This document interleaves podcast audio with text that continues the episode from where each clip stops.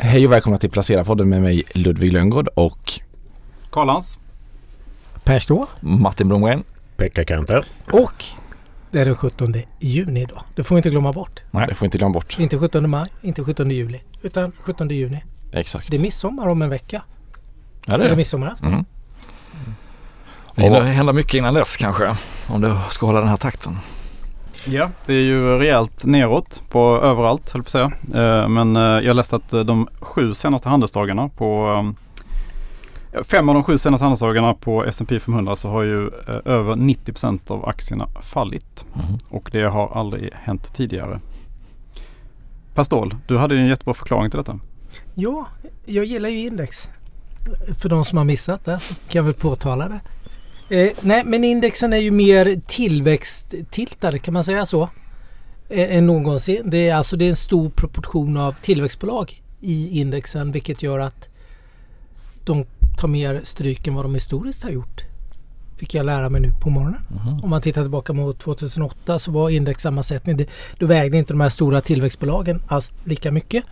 Och nu är det ju någon form av omprissättning. Pekka kan väl komma in på det. Inflationen stiger, räntorna går upp, man kommer in i en ny räntemiljö när man kanske omvärderar då framförallt tillväxtbolagen. Tina är dött.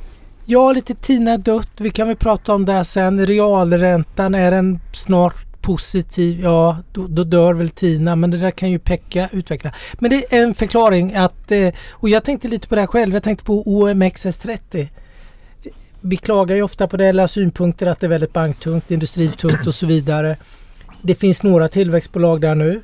De har, gått ganska, de har tagit mycket stryk Mm. men det är fortfarande ett ganska, vad ska man säga, ett index som är väldigt, väldigt Mer traditionellt. mer kanske. traditionellt och mer, lite mer cykliskt. Mm. Och har klarat sig förhållandevis väldigt, väldigt bra i år om man jämför med, med breda börsen och de amerikanska. Om vi ser S&P 500 är ju otroligt eh, tillväxttungt mot vad det har varit historiskt då. Och det i sin tur har berott på det, mm, den, den, den låga ränteläget då, som vi haft under väldigt lång tid, gissar jag. Ja, också och är så. ESG-trender med du ska inte äga oljebolag, energibolag har ju varit lite out of fashion. Det har ju i princip pulveriserats nu fram till för ett år sedan vikterna för energibolagen då som på något sätt nu börjar och eh, värderas om. Mm. Kort förklaring. Pekka, Eller är, är Tina dött? ja, eh, nej, det tror jag egentligen inte. Men Tina har tagit paus i alla fall. Och som, Ligger på eh, intensiven. Ja, det kan man säga. Och precis som Per sa så ja, eh, räntorna kommer ju i spel. I takt med, att, Mm. i takt med ränteuppgången såklart. Liksom. Historisk höjning i veckan från Fed. 75 punkter. Ja, 75 punkter. Det var den högsta eh, eller största höjningen sedan 94 Mm.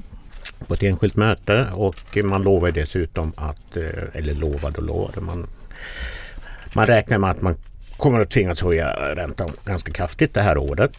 Upp till 3,4 procent. Och nu ligger det mellan 1,25 och 1,50 i USA. Så det är mycket Mm. i pipeline. Och, och sk- presskonferensen efteråt om man ska tolka vad Fed-chefen Jerome Powell sa. Så här, huvudbudskapet var egentligen att hellre recession än fortsatt inflation. Man visar vad det är man prioriterar här. Ja, alltså. det är helt klart och man, man pratar inte om sådär kärninflation och exklusive liksom energi och livsmedel utan man fokuserar på inflation, det breda inflationsmåttet eftersom det är som, det som drabbar hushållen. Så det var g- ganska tufft be- besked. Liksom. Sen reagerade marknaden positivt just då men sen kom ju smällen dagen efter kan man säga.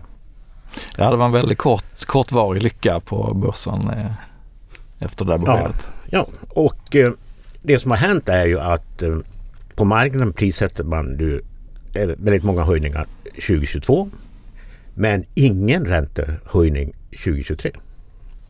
Så man går emot Federal Reserve. Och varför gör man det? Jo, därför att man tror att recessionsrisken har ökat väsentligt. Och det var ju en... eh, Ja, så att det är liksom det man... Nu vet man att Fed har fokus på inflationen, kommer inte att skydda börsen och man är beredd att ta en smäll när det gäller den ekonomiska tillväxten också. Så att, eh, mm. Och då räknar man antar jag med att Fed sen behöver bromsa när de väl ser att eh, recessionen kommer och inflationen börjar gå ner. ja.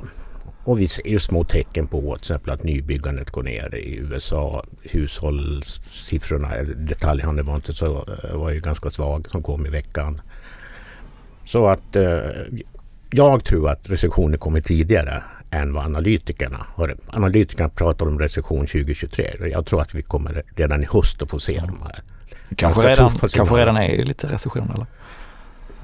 Ja, eh, alltså vi hade ju en svag tillväxt eh, första kvartalet. Så att, eh, men men nej, än så länge så tittade vi. Vi måste göra skillnad på företagskonjunkturen och på hushållskonjunkturen. Företagskonjunkturen är fortfarande stark. Men du Pekka, jag vill... Vi pratade ju lite om det innan podden drog igång. Det var ju lite recensionen. Jag hävdar ju lite att det kanske blir eh, vad ska jag säga, den minst djupa recessionen vi har varit i på länge för att eh, ekonomin i stort är väldigt bra. Eh, det, det, centralbankerna bör ju inte släcka massor med bränder ute i ekonomin som har kapsejsat. Än i alla fall. Det, ja, det, om vi backar till 2008 eh, när ja, du hade en, amerikansk ekonomi och hela du hade den här bolånebubblan och allting då. Mm. Det, så man, man fick göra helt andra problem och ta hand om banker och hela den problematiken. Den ser man ju Nu är det ju mer ett krig mot inflationen och annars är det ju rätt nice att vara centralbankschef antar jag om man kan sköta den här balansgången. För du har inte sådär jättemycket svarta moln på himlen som du vet att det här måste vi ta tag i eller någon, någon systemviktig bank som vi måste lösa knutarna kring. Ja, men jag, håller, jag håller delvis med dig, absolut. Alltså förutsättningarna finns för en ganska mild recession eller liksom en lite mer klassisk lågkonjunktur, att man stramar åt. Dock ska man komma ihåg att vi har haft liksom nollräntor i 8-10 år. Liksom, och, eh, så det är klart att det byggs upp obalanser. Vi får se hur hushållen reagerar på hög inflation och stigande räntor. Liksom. Det är inte en särskilt gynnsam cocktail för dem. Liksom. Och fallande fastighetspriser också. Ja, eh, det kan ju slå ganska ja. Så eh, jag håller delvis med dig men jag är ändå orolig för att nedgången blir djupare än, än, än vi tror. Och definitivt djupare än vad som låg i Federal Reserves prognosen. Mm. Jag tyckte det var lite intressanta reaktioner på bankaktierna här i veckan. För att å ena sidan så är det ju det, gynnas de av stigande räntor och gick ganska bra någon dag och sen så var det som att det bara slog om igår på torsdagen då att man man istället tog vinkeln att eh, bankerna, speciellt Swedbank i Sverige då, som har mycket fastighetslån och bostadslån, kommer att drabbas när konsumenterna får det tuffa och så dök Swedbank, var ner 9% på en dag bara, utan några andra nyheter än att man bara byter fot lite grann kring hur bankerna kommer att antingen gynnas eller drabbas. Så det säger ju lite grann om ja, liksom, hur det... tudelat det kan bli.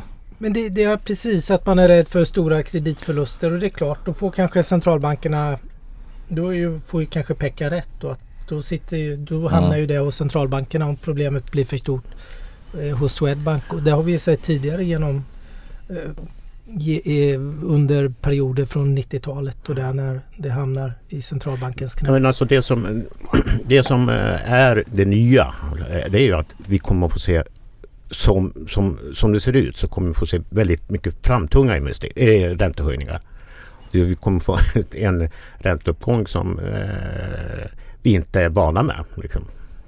Då får man nästan gå tillbaka till 80-talet och se de här liksom, snabba räntehöjningarna. Mm. Sen blir det ju inte, behöver man ju inte höja styrräntan till 20 procent som då. Men, eh, så det är lite en ny värld för alla investerare. Men jag såg, jag inte om det var Danske Bank eller vem det var, men ganska många räknar väl nu med att även svenska Riksbanken ska köra tre 50 punkters höjningar på rad här. Det skulle ja, vara ganska eh, stor effekt på bolånen ja. och boräntorna i Sverige. Där många jämfört med USA har eh, mer rörligt då än vad Ja, analytikerna är inne på 50 punkter. Men tittar på prissättningen på, mm. på, liksom på, eh, på RIBA-kontrakt och sådär så, så börjar man ju prissätta att Riksbanken faktiskt höjer med 75 punkter.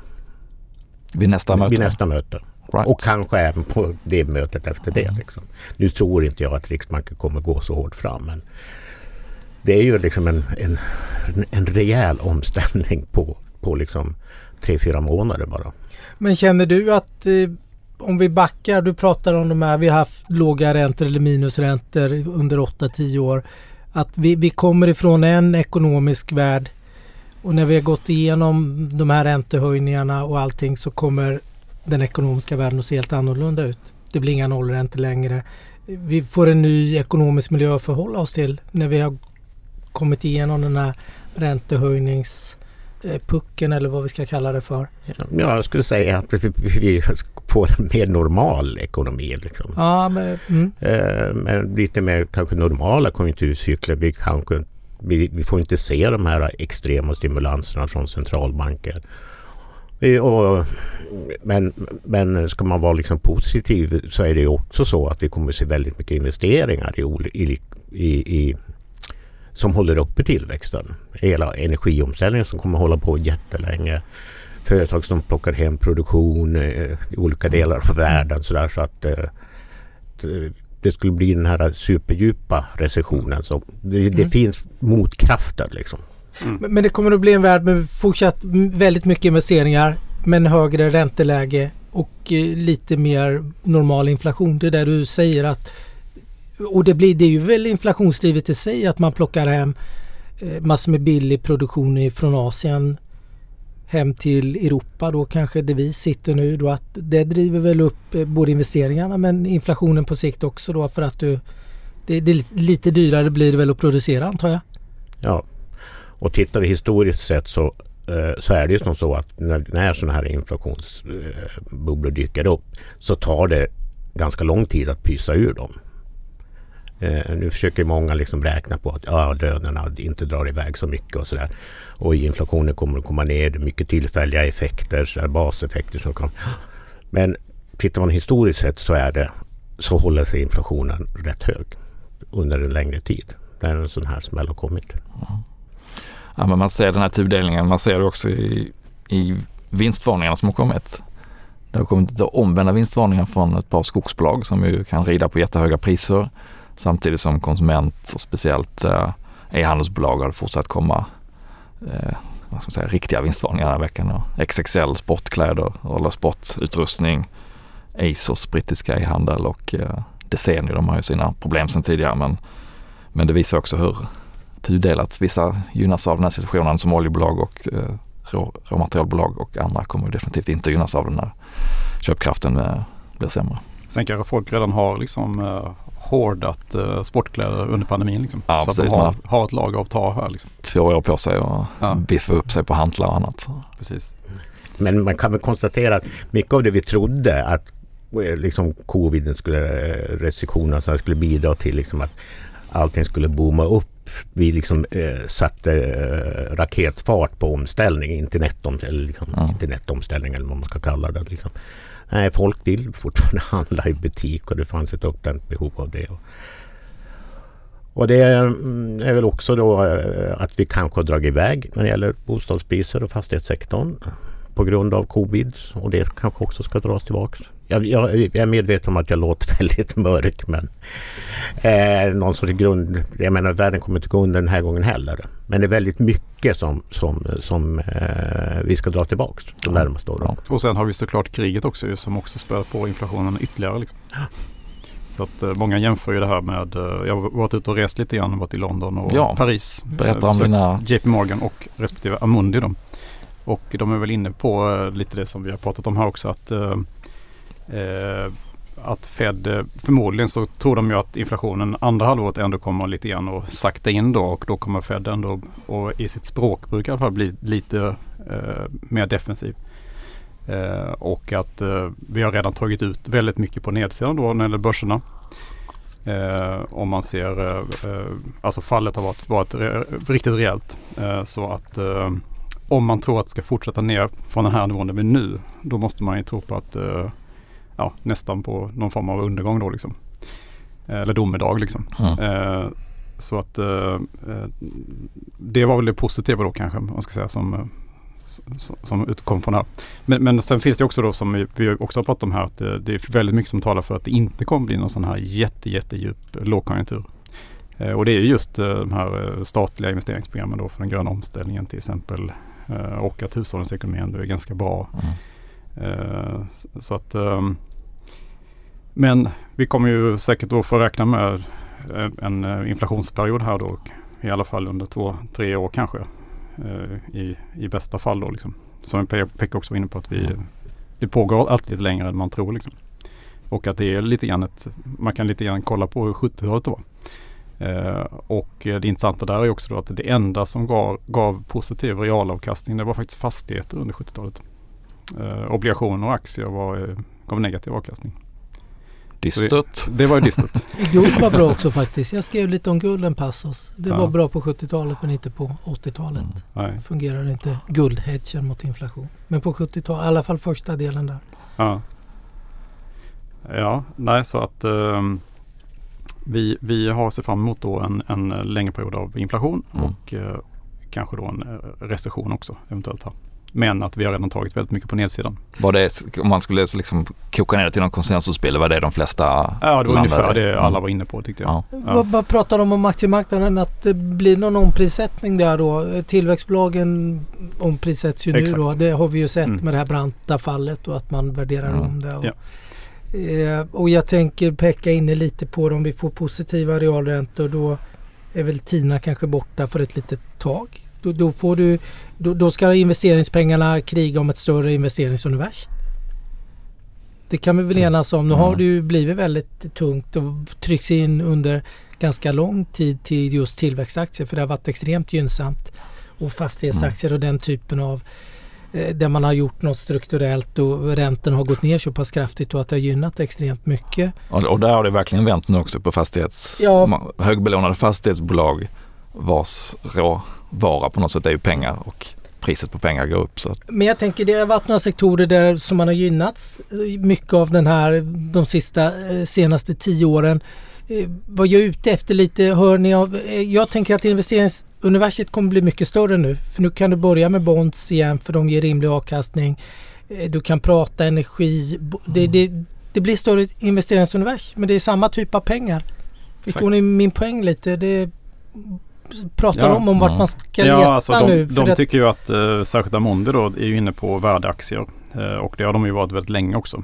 Eh, att det är där man ska vara liksom. Och man ska då börja titta på bonds igen liksom nu. mm. Eh, efter här, de här enormt kraftiga fallen då. Så värdeaktier och obligationer liksom. Är, är väl det som är, gäller framåt. Och sen kanske fastighets, fastigheter blir intressant, kommer bli intressant igen. Ja, när räntorna För- har peakat. När de, då- när de eh, har nått upp med. För att Mm. du kommer ju liksom se vad det kostar att bygga ett hus. Mm. Eh, och där är ju inflationen då har ju höjt priset på det väldigt mycket. Mm. Och det i sin tur kommer att stödja då de befintliga, Befintliga fastigheterna. fastigheterna ja. Ja. Mm. Så det är så man kan skydda sitt kapital eh, Mm. i fastigheter framöver. Men en sak som är positiv med att räntorna stiger som jag tycker det är att såna, de stora pensionsfonderna och sånt där som, som måste äga liksom, obligationer. Eh, De slipper ta jättestor risk på aktiesidan för att kompensera Mm. sig. Och det är säkert en sån rörelse vi redan ser nu. Liksom, nu att, ja, eh, man kan eh, gå in i lite tryggare placeringar och, och ändå få Ja, just nu får man inte någon hygglig avkastning men framöver förhoppningsvis hygglig avkastning. Grundavkastning. Mm. Jag tänker på en annan sak som vi har tangerat ibland men inte pratat så mycket om. Det är ju något som, eh, det är ju ett enormt skuldberg. Eh, oavsett hur vi ser på det. Vi har byggt upp mycket skuld under när, när räntan har varit noll. Gynnas inte det, eller det gynnas ju av en hygglig, om man på något sätt har en hyggligt hög inflation under eh, någon femårsperiod och man lyckas balansera med lite hyggliga lönehöjningar. Förstår du? Man accepterar Ja. en högre inflation på kanske 4% eller någonting. Det inflaterar ju bort i alla fall ganska mycket skuld om vi tittar 5-7 år framåt i tiden. Mm. Eh, tror du att centralbankerna tänker något så eller tänker man att Förstår du Ja, mitt förstår. resonemang? Det är, Vågar de tänka så? Ja. Vågar man tänka så? Nej, alltså just nu så tänker man bara inflation, inflation och inflation. Skiten ska ner. Ja, precis. Men eh, jag håller med dig. Men- framförallt är det gynnsamt för stater att det är hög inflation. Man mäter till exempel statsskulden i förhållande till BNP. Och med en inflation så får du en högre nominell BNP-utveckling. Dessutom får man högre skatteintäkter. Som staten. Men för dig som privatperson så gäller det att ha en löne, Ja men självklart att löneöknings- lönerna hänger med löneökningstakt som hänger med liksom. För att det ska... Men det är inte enbart negativt med, med lite högre inflation. Så är det ju. Jag har en annan spaning. Vill ni höra? Mm, berätta. Absolut. Spaningen är ju den här e-handelsslakten som har varit Mm. nu. Den har vi alla sett på börsen. Eh, Men det finns ett land där e-handelsslakten har slutat. Den var där mycket tidigare. Det är Kina. Vi har tittat lite utblick. Jag och Pekka. Kina-börsen är ju upp hyggligt mycket. De har tagit stryk senaste dagarna ska då tilläggas. Men det var faktiskt en vändning. Jag tänker på Karl Lans kom in en dag och sa att någon stor investmentbank hade dragit upp Alibaba till köp här. Mars, april. Och i slutet på mars så bottnade faktiskt kinesisk tech ut och kinesisk e-handel. Det är faktiskt upp sedan dess. Och eh, har varit senaste månaden har ser vi uppgångar både på mellan 10 och 20 procent. Eh, vilket då är en helt annan bild än vad resten av världens e-handlare upplever just nu. Men det, det har ju varit ett stålbad under hela 2021. Eller sen, alle- eh, vad heter det, Antipion.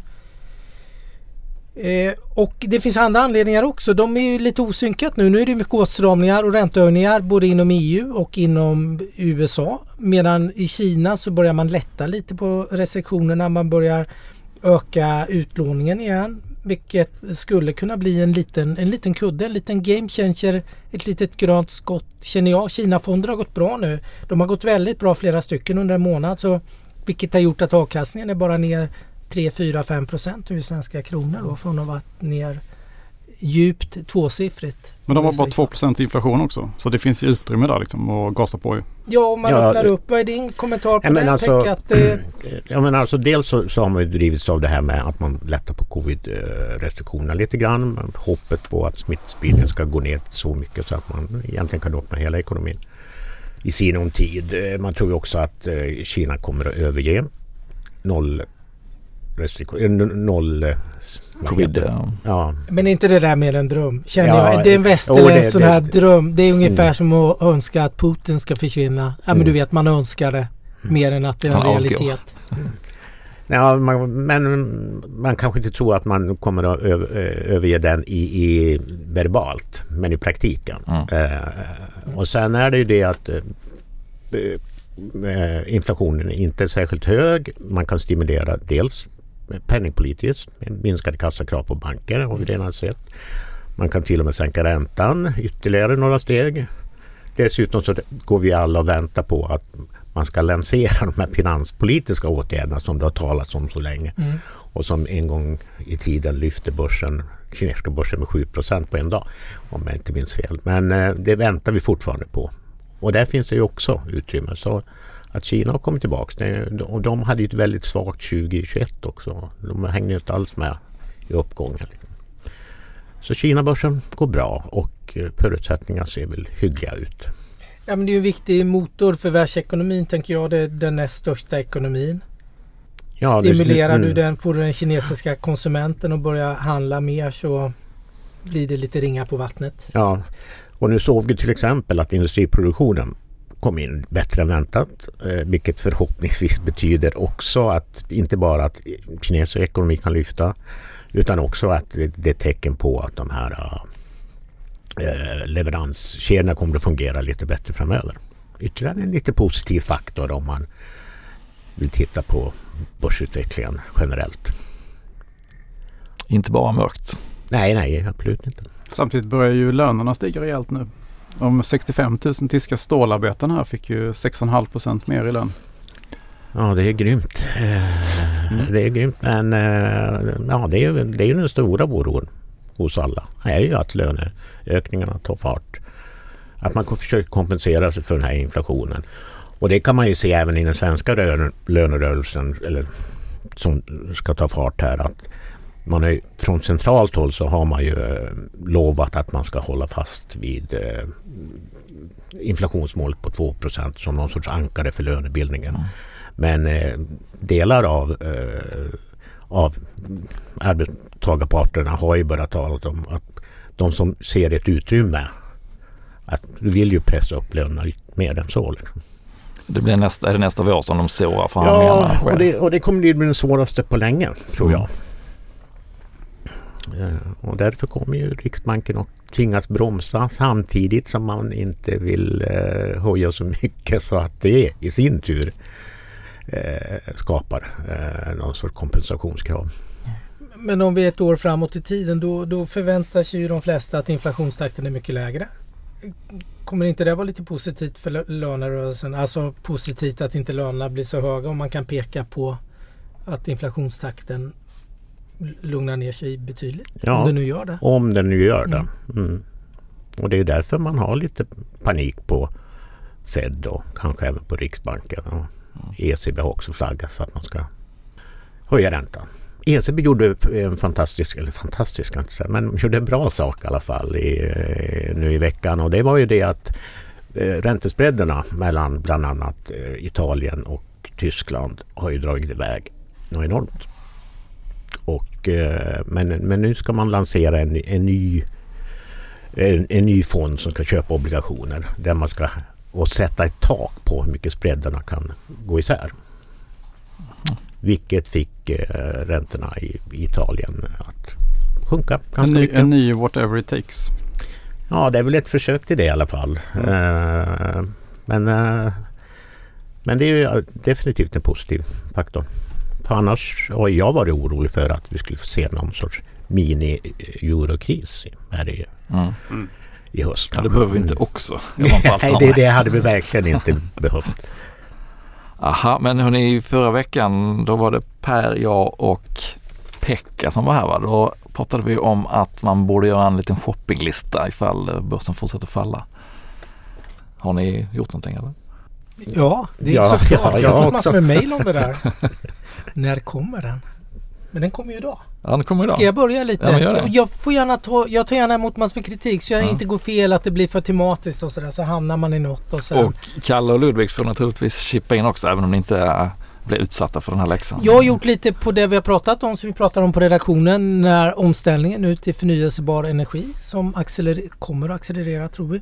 Jag har gjort ett litet, jag ska göra ett bett på det nu Mhm. hade jag tänkt. Och då tänkte jag köpa några stora drakar som inte ger så mycket tillväxt men för att få stabilitet. Och det hela bygger på att jag har gått in året då med för mycket risk som ni kanske kan förstå då. Vilket flera. Så du är helt ensam om inte det? Som jag kanske inte är helt ensam om då. Men jag har ju haft lite, tyvärr lite för mycket risk på. Trots att jag hade kassa så var det väldigt mycket risk i innehaven. Men oavsett, jag tänkte köpa två franska bolag. Sch- Schneider Electric, låter väldigt tyst men det är en ett, eh, Carl får gärna fylla på för han kan bolaget minst lika bra som jag som är en elektronikfirma kan man väl säga som både gör hårdvara och mjukvara och installationer och konsulting, energieffektivisering. Air Liquid fransk eh, konkurrent till Linde. Det är industrigaser och varför jag nämner Linde också är att de två tillsammans är störst i världen på industrigaser, olika typer av gaser. Mycket vätgas eh, är de duktiga på. Vätgas är något man kan använda i många processer nu för att få ner koldioxidutsläpp. Air Liquid håller även på med carbon capturing, alltså få- fånga in koldioxid.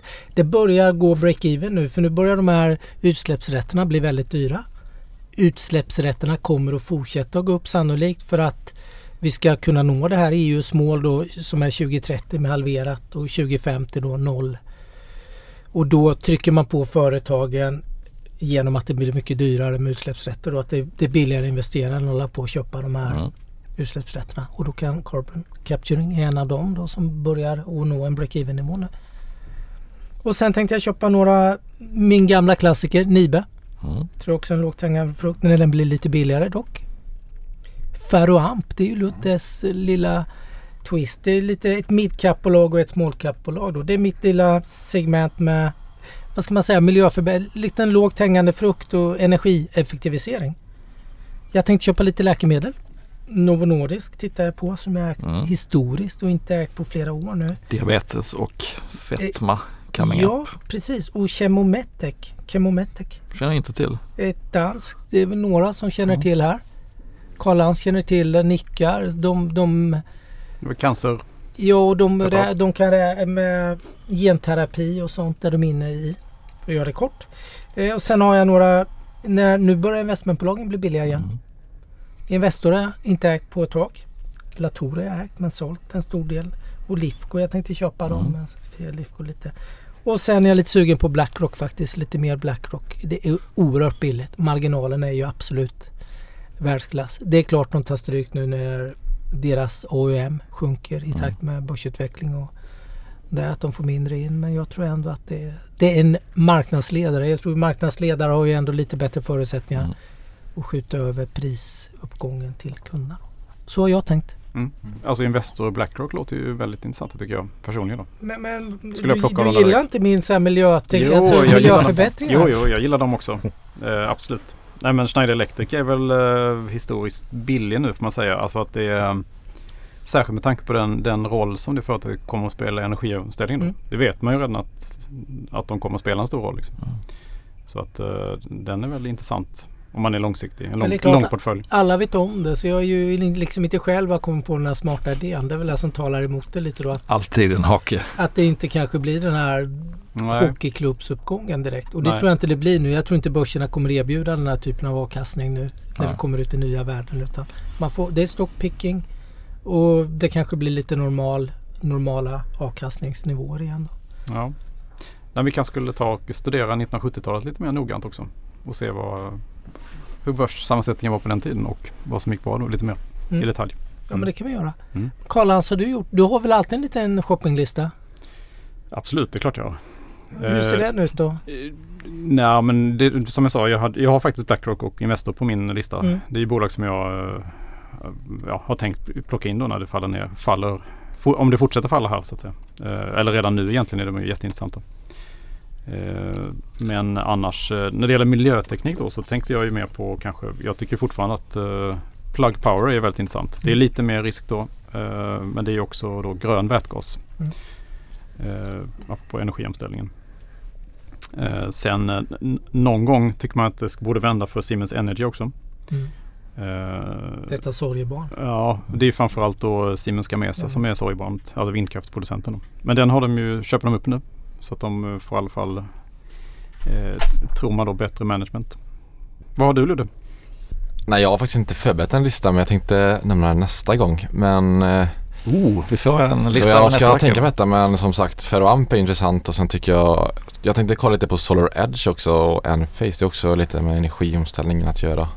Men eh, jag tänkte också kanske kolla lite på gamingaktierna. De har också tagit rejält med stryk. Eh, så jag skrev faktiskt en aktieanalys här nu om eh, Take-Two Interactive som är Det har hänt en hel del grejer där. Alltså den branschen konsolideras ju väldigt mycket nu. Det är väldigt mycket uppköp. Vi såg ju Mm. Microsoft och Activision nu som Ja, Mic- Microsoft la ju bud på Activision då.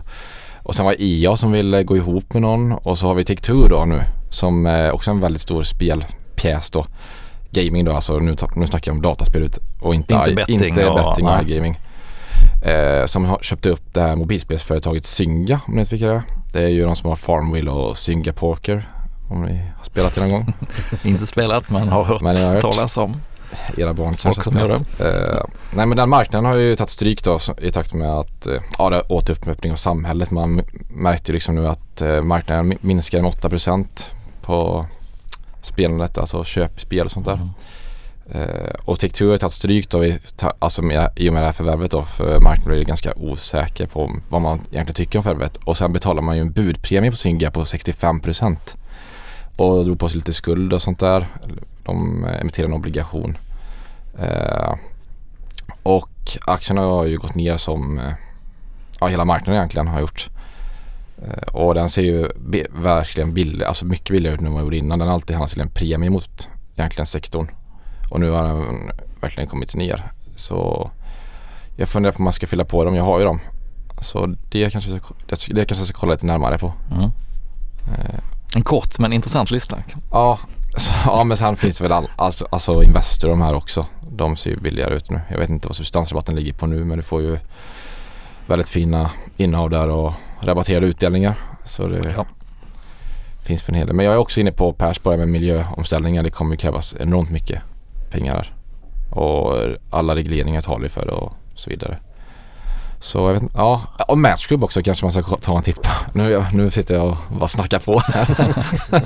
Men, tin- eh, Tinder-ägarna. Ja, starka nätverkseffekter och bra marginaler men lite osäkert också där så ja, men fylla på lite tror jag i befintliga innehav blir det väl framförallt. De har ju kommit ner mycket värderingarna. Snitta ner. Så vi får se. Just det, jag, Per, jag kommer ihåg på ett bolag som vi har, eh, borde nämna här också miljöteknik är ju faktiskt Prysmian. Just Det det. vet jag att du också har kollat på lite grann. Eller Ja. har funderat på. Ja, det har jag gjort. Det är ju världens ledande kabeltillverkare då.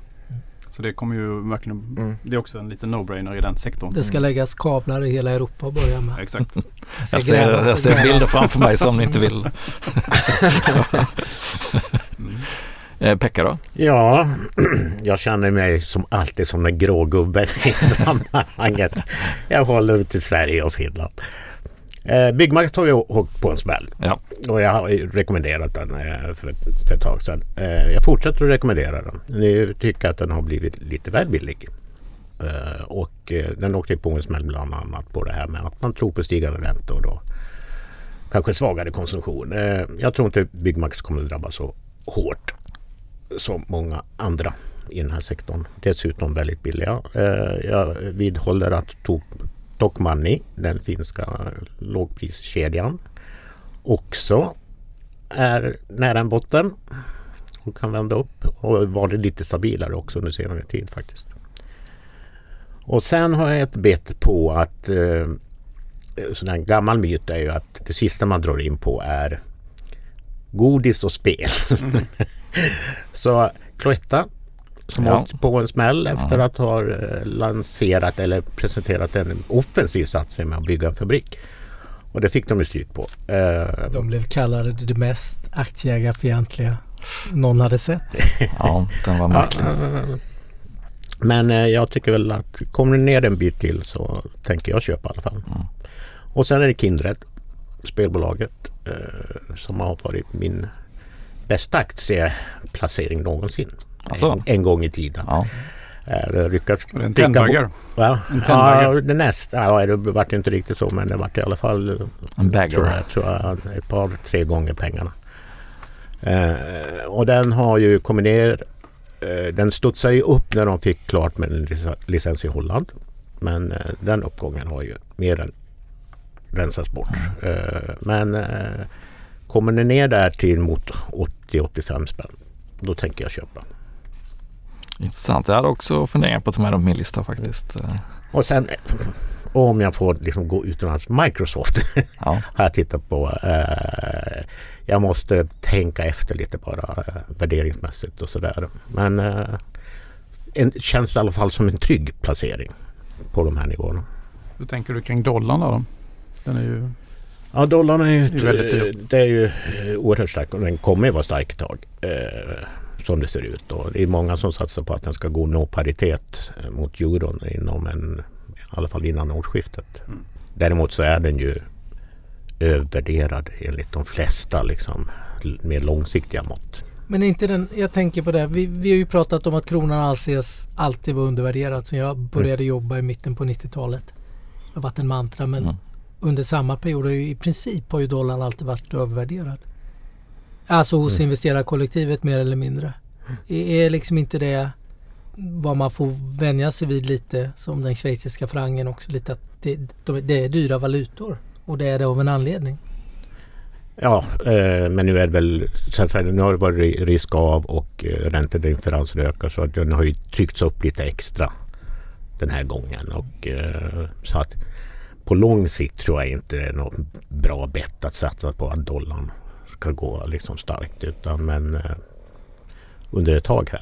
Så att, eh, jag, jag räknar sällan med valutakurserna om jag köper aktier. Alltså det är eh, ja, det, det, då, då bygger man in alldeles för många osäkerheter i det liksom, så blir det, blir det bara... Det är svårt nog med resten Ja, man ska ta precis. ställning till.